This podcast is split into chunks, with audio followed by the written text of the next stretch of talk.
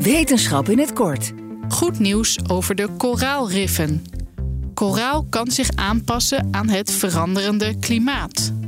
Dat ontdekten wetenschappers van de Newcastle University. Zij ontdekten hoe koraal zich aanpast in de Pacific Island Nation of Palau. Door klimaatverandering bleekt het koraal. Maar het koraal wat ze hier hebben onderzocht gaat bleken tegen door zich genetisch aan te passen aan de veranderende zeewatertemperatuur. Helaas is het niet alleen maar goed nieuws. De genetische aanpassing van het koraal heeft ook een prijs, zeggen de wetenschappers. Het rif wordt minder divers en groeit minder hard.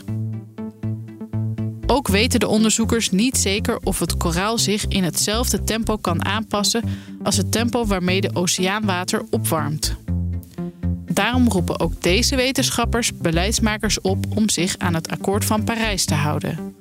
Ten behoeve van het koraal.